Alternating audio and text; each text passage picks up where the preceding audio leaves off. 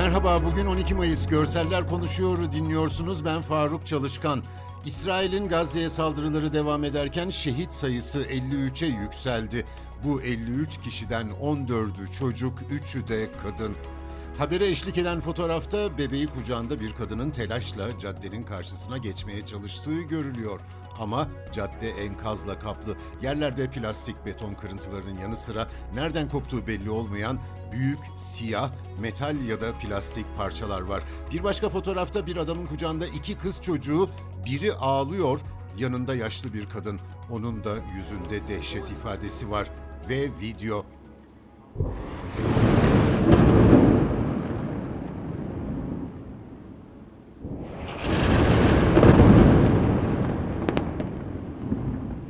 Video asıl dehşeti gösteriyor dinlediğiniz gibi. Bir şehir bütünüyle sarsılıyor. Meskun bir bölgedeyiz. Apartmanlar yüksek binalar var ve aralarında fazla boşluk yok. Sanki her sokakta bir patlama oluyor.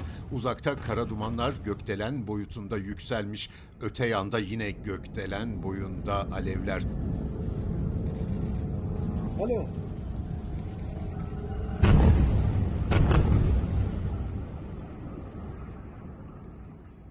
Cumhurbaşkanı Recep Tayyip Erdoğan Rusya Devlet Başkanı Putin'le telefonda görüştü. Erdoğan-Putin görüşmesinde Filistin'de yaşanan gelişmelerle Sputnik V aşısının Türkiye'ye sevkiyatına ilişkin konular ele alındı.